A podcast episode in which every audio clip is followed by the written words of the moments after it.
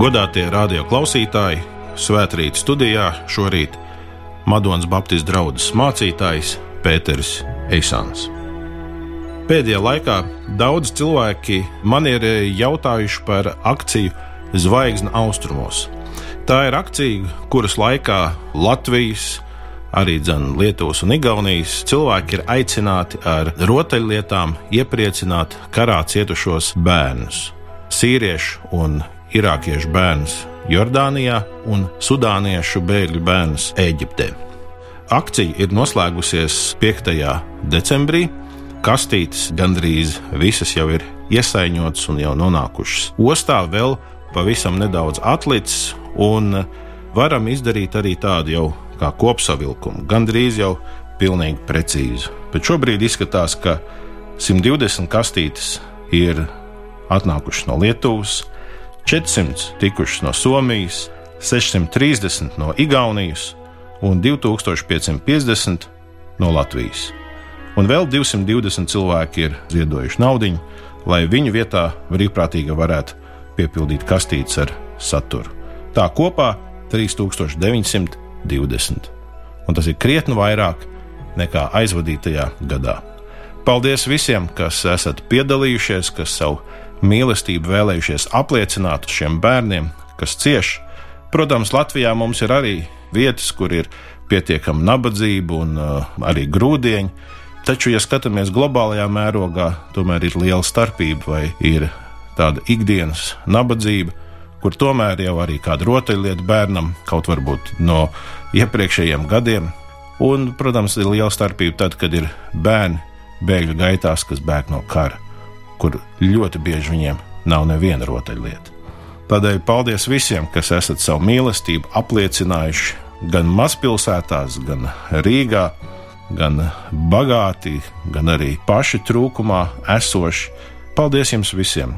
Un šī mīlestības dāvana jau tuvākajās dienās ar kuģi ceļos tālāk, un jau nākamajā gada sākumā to saņems bērni, kas ir daudz, daudz cietuši lai Dievs svētī to labo darbu, ko esam kopā varējuši darīt.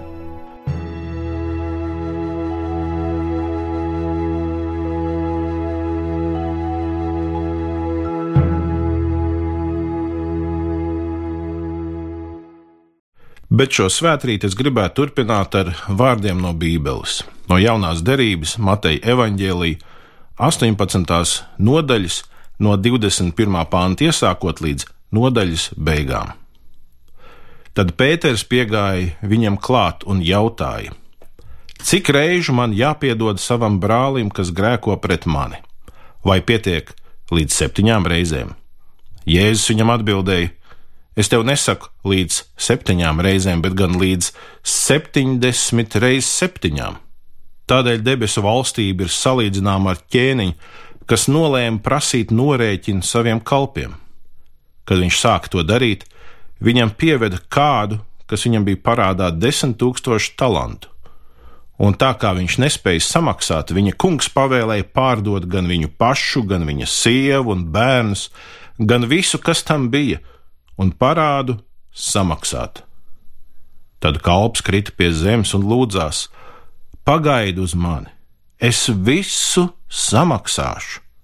Kungs iežēlojās par šo kalpu un atlaida tam aizdevumu. Šis kalps izgājis ārā, ieraudzīja kādu savu biedru, kas viņam bija parādā simts denāriju. Viņš to satvēra žņaudz un sacīja: Atdod, ko esi parādā! Tad viņa biedrs krita pie zemes un lūdzās: Pagaidi uz mani, es visu samaksāšu. Taču viņš negribēja gaidīt, un aizgājis to ielika cietumā līdz tas parādu būs samaksājis. Citi kalpi, viņa biedri, to redzēdami ļoti noskuma. Tie gāja un visu notikušo atstāstīja kungam. Tad kungs viņu pasauca un sacīja: Tu nelietīgais kalps, visu tavu parādu es tev atlaidu, kad tu lūdzi. Vai tev tāpat nevajadzēja apžēloties par savu biedru, kā es par tevi apžēlojos.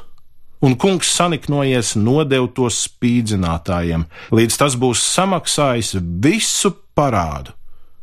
tā arī mans debesu Tēvs jums darīs, ja jūs ik viens savam brālim no sirds nepiedosiet.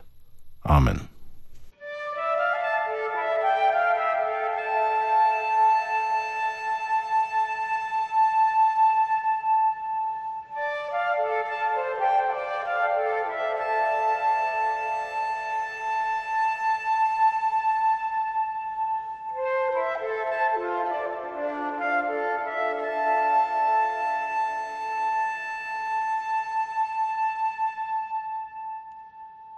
Šajā adventa svētdienā, kad mēs domājam par atnākšanu, ne tikai par praviešu sludināto Kristus atnākšanu un piedzimšanu reiz Betlēmē, bet arī par Kristus atkal atnākšanu jau kā soģim un tiesnesim, tad eh, mums jādomā, kā mēs dzīvojam šajā realitātē, kad reiz katram vienam no mums būs jādod nolēsi Dievam par savu dzīvi, par to, ko mēs esam darījuši, ko esam domājuši, kā esam rīkojušies, kā esam savu dzīvi vadījuši.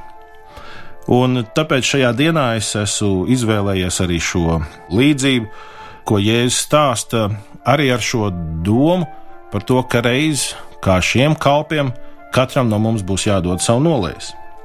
Un šeit šī līdzība ir ļoti interesanta tādu sižetu līniju, varētu pat teikt, kā tādos trīs cēlienos, un to visu pavadienu aizsāk Pētera uzdots jautājums. Viņš saka, cik reižu man jāpiedod savam brālim, kas grēko pret mani, vai pietiek līdz septiņām reizēm.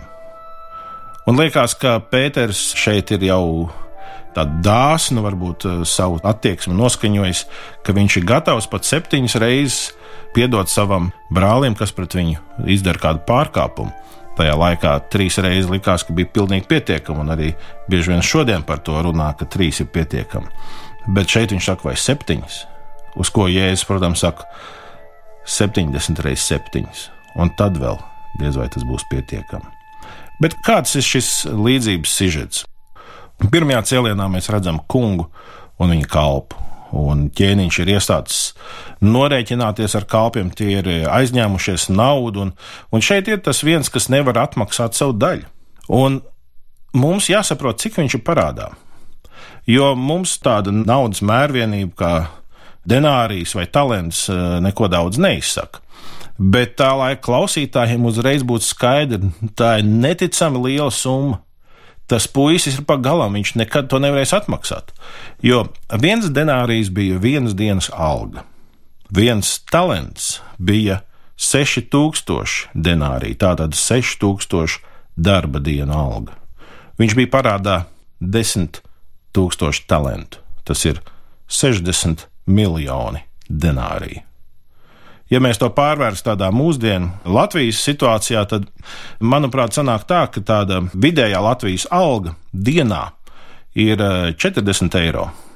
Tātad viens talants būtu 240 tūkstoši eiro. Bet tas parāds 10 tūkstoši talantu nozīmē, ka parāds bija 2,4 miljardi eiro. Kurš no jums kaut ko tādu varētu mēģināt atmaksāt? Un pilnīgi loģiski. Tas nav iespējams.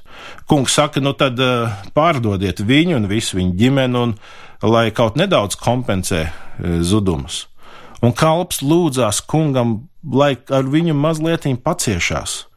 Un pēkšņi, ko mēs redzam, kungs kļūst labvēlīgs. Viņš ne tikai pagarina atmaksas termiņu vai samazina procentu likmes, viņš pilnībā atlaiž parādu. Tas ir šis ievadu cēliens. Tad tālāk mēs redzam šis kalps, kura milzīgais parāds ir atlaists. Iznāk no ēkas un uz ielas sastop savu kolēģi, kalpu, un viņš ir parādā. Bet ko viņš dara? Viņš ņaudz un pieprasa, lai šis kolēģis tūdaļ pat uz karstām pēdām atdod parādu. No viņa reakcijas varētu domāt, ka tas parāds ir mežonīgi liels, tikpat cik viņa paša parāds, vai varbūt pat vēl lielāks. Bet mēs redzam, tie bija simts denāriji, simts dienas algas. Latvijas izteiksmē tas būtu 4000 eiro. Nē, protams, tā nav maza nauda, nepārprotiet. Bet salīdzinot ar 2,4 miljardiem, ko pats bija parādā, tā ir sīknauda. Un tādēļ viņš savu kolēģi iemet cietumā. Viņš saka, es neatkāpšos no savas prasības, parāds ir parāds, tev to jāapmaksā līdz pēdējiem santīmam. Bet nu ir tas noslēdzošais cēliens. Kolēģi to visu vērojuši no malas. Un bieži vien jau cilvēks sevi nevar rīcības karstumā tā objektīvi izvērtēt no malas, bet kolēģi ir saskumuši, jo viņi redz, kaut kas nav bijis līdzsvarā. Un, protams, kad kungs to uzzina, viņš ir absolūti dusmīgs, absolūti aizskaitināts par to, ka viņš piedeva tik lielu parādu un tādu sīku naudu. Tagad šis kalps izspiež no savu kolēģi. Ja tu nepiedosi, rēķinies ar to pašu. Tā arī mans debes tēvs jums darīs, ja jūs ik viens savam brālim no sirds nepiedosiet. Un ik reiz, kad lūdzam svēto lūgšanu, mēs jau to atgādinam. Piedod mums mūsu parādus, kā piedodam saviem parādniekiem. Un tas ļoti svarīgi, to atcerēties. Bet ko no tā visu mēs varam smelties sev, savai dzīvei, savai ikdienai? Te mēs redzam to, ka Nepiedošana nāk viegli. Piedošana nāk ar apzinātu lēmumu.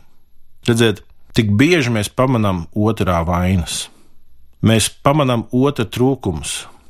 Un īpaši tad, ja kaut kādā veidā tas otrs ir izdarījis pāri, mēs varbūt uh, pat pārspīlējam tos viņa trūkumus. Ja viņš uzkliedz, mēs sakam, viņš ir vienmēr neciešams un vienmēr dusmīgs. Ja kāds kaut kur mums samelojās, mēs sakam, tas cilvēks ir melis. Un ja viņš varbūt izpļāpājās par kādu noslēpumu, mēs sakām, viņš ir tanku vāceli. Taču, ja mēs kādreiz kādam uzkliedzam, bija īpaši apstākļi, un es biju tik noguris. Un, ja mēs kādreiz samelojamies, tad sakām, ah, nu, ziniet, dzīvē jau nav viss tāds melns un balts, ir arī tās pelēkās zonas. Redziet, tāpēc mums ir jāsaprot to, ka ir ļoti svarīgi redzēt to, ka otrs cilvēks, pat tad, ja viņš ir pārnodarījis, viņš joprojām ir cilvēks. Viņš ir brālis. Nevis bija brālis, bet viņš joprojām ir kolēģis, darba biedrs un brālis. Mums vairāk ir tā, kas mūs vieno, nekā tā, kas mūs šķir. Mēs redzam arī brīdinājumu šeit, šajā notikumā, ka nepiedošana tas ir ceļš uz dvēseles cietumu. Redziet, te ir tas jocīgais teikums par to kalpu, ka viņš tika iemests cietumā, un tur bija tas spīdzinātāji. Jā, kungs saniknojies nodeva to spīdzinātājiem. Varētu teikt, jā, tas ir briesmīgs kungs. Kā viņš tā varēja rīkoties? Bet realtātē neviens ar varu mūs nemoc un cietumā neliek. Tā parasti ir paša izvēle. Atceros savu laiku, kad tāds Eh, jauneklis, es biju mācībās citā valstī, un es pamanīju to, ka tajā kultūrā ļoti bieži cilvēki runāja par savām bērnības traumām, par to, kā viņi nespēja piedot saviem vecākiem, piemēram.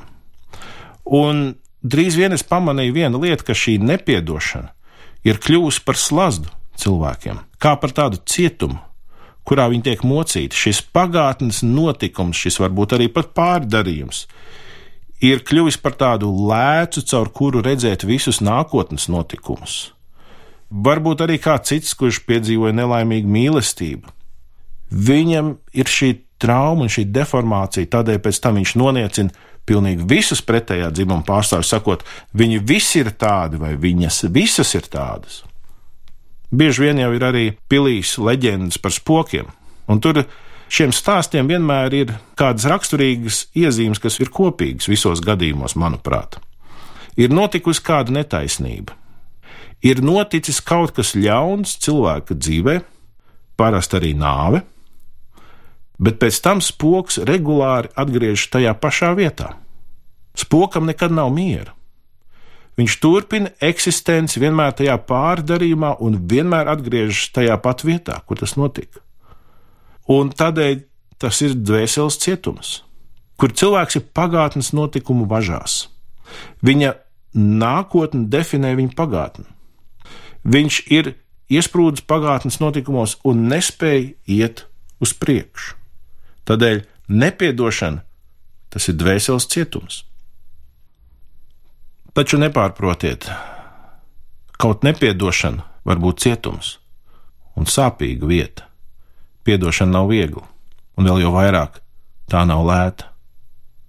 Vai kādreiz kāds no jums ir eh, piedzīvojis, ka kāds jums ir parādā?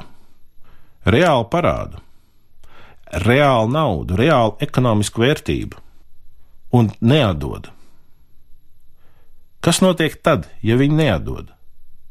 Kas notiek tad arī, ja varbūt kādam aizdevāt eh, vai telefonu vai auto un notika negadījums un viss ir neatgriezeniski sabojāts? Un atkal tie ir tikai izvēle, ka viens vai otrs maksā. Vai nu vainīgais maksā, vai arī jūs kā saimnieks. Parāds pats no sevis neaiziet, kādam to jādzēš. Tādēļ piedošana vienmēr kaut ko maksā. Un šeit arī, kur mēs lasījām no evaņģēlīja, šeit mēs redzam, ka Jēzus jau ir sācis ceļu uz Jeruzalem, uz to vietu, kur viņš arī tiks siks krustā, uz to vietu, kur viņš mirst par cilvēku grēkiem, lai samaksātu mūsu grēku parādu. Un šeit mums Pēters ir tas runas vīrs no mācekļiem, kas sāk runāt par piedošanu. Un Jēzus norāda uz to, cik piedošana var būt arī dārga. Tā nav lēta, tā kaut ko prasa. Tas prasa Dieva dēlam, viņa dzīvību, lai viņš varētu piedot. Un arī mums piedošana kaut ko maksās. Redziet, sāpes būs vienmēr. Sāpes būs tad, ja gribēs turēties pie rūkuma. Tas nekad nedos mieru, tas nekad nelaidīs vaļā bet, ja gribēs piedot, arī tas būs tik smagi, tik sāpīgi, tik grūti. Bet, ja nepiedos, tad būs kā dvēseles cietumā, kā spoks, kas naktī staigā pa pilsētas koridoriem, kuram nav miera. Bet piedošanu nevar nopelnīt. To var tikai un vienīgi saņemt. Ievērojiet, ko kalps lūdza kungam, kad viņš draudēja viņu ielikt cietumā un visu viņa ģimeni. Lūdzu, dod laiku, es atmaksāšu. Bet cik ilgā laikā viņš būtu atmaksājis, tur viņam ar viņa mūžu nebūtu bijis pietiekami. Piedošana nevar nopelnīt, parādu nevar nomaksāt, šo piedošanu var tikai saņemt. Un arī nekad mūsu dzīvē, ja kāds kaut kur ir noziedzies pret mums, tas otrs cilvēks nekad nebūs pietiekami atpelnījies, pietiekami labs bijis, lai viņam varētu pamatot piedot ka viņš ir nopelnījis to. Vienmēr tā būs žēlastības dāvana. Bet, ja mēs žēlastību no Dieva esam saņēmuši, mēs esam arī aicināti dzīvot viņa žēlastībā, to praktizēt, saņemt no Dieva paši un tālāk dot citiem cilvēkiem. Katram vienam no mums būs eh, jādod nolēs par savu dzīvi, un katram vienam no mums būs šī pēdējā tiesas diena, kur Dievu priekšā jāstājas, un jādod norēķins kā iztīsies tavu norēķina diena, kāds būs tavs parāds un vai viņš būs jau dzēsts. Lai šie dievu vārdi vada mūsu domas šajā adventā, un lai šie dievu vārdi arī māca mums dzīvot gudri. Āmen!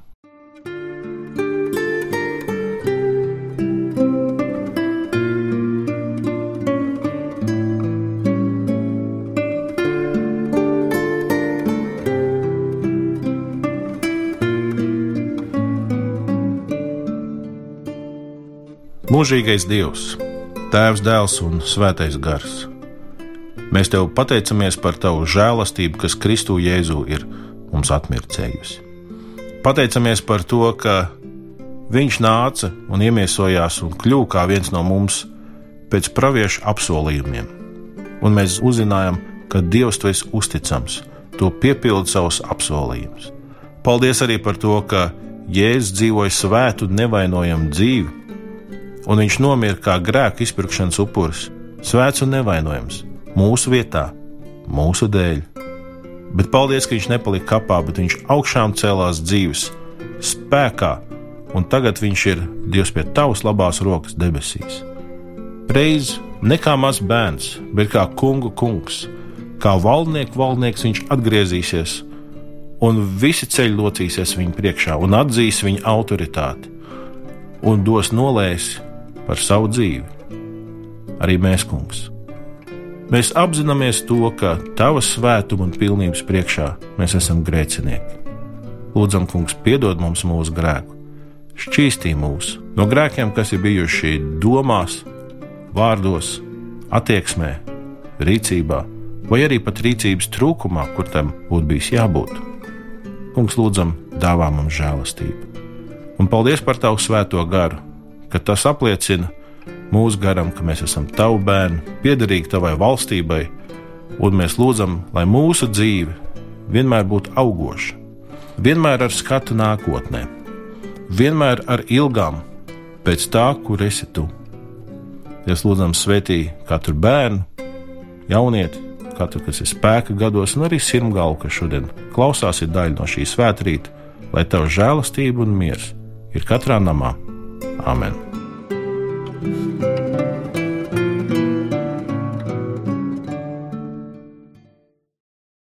Svētrītā kopā ar jums bija Madonas Baptistu draugs mācītājs Pēters Eisāns.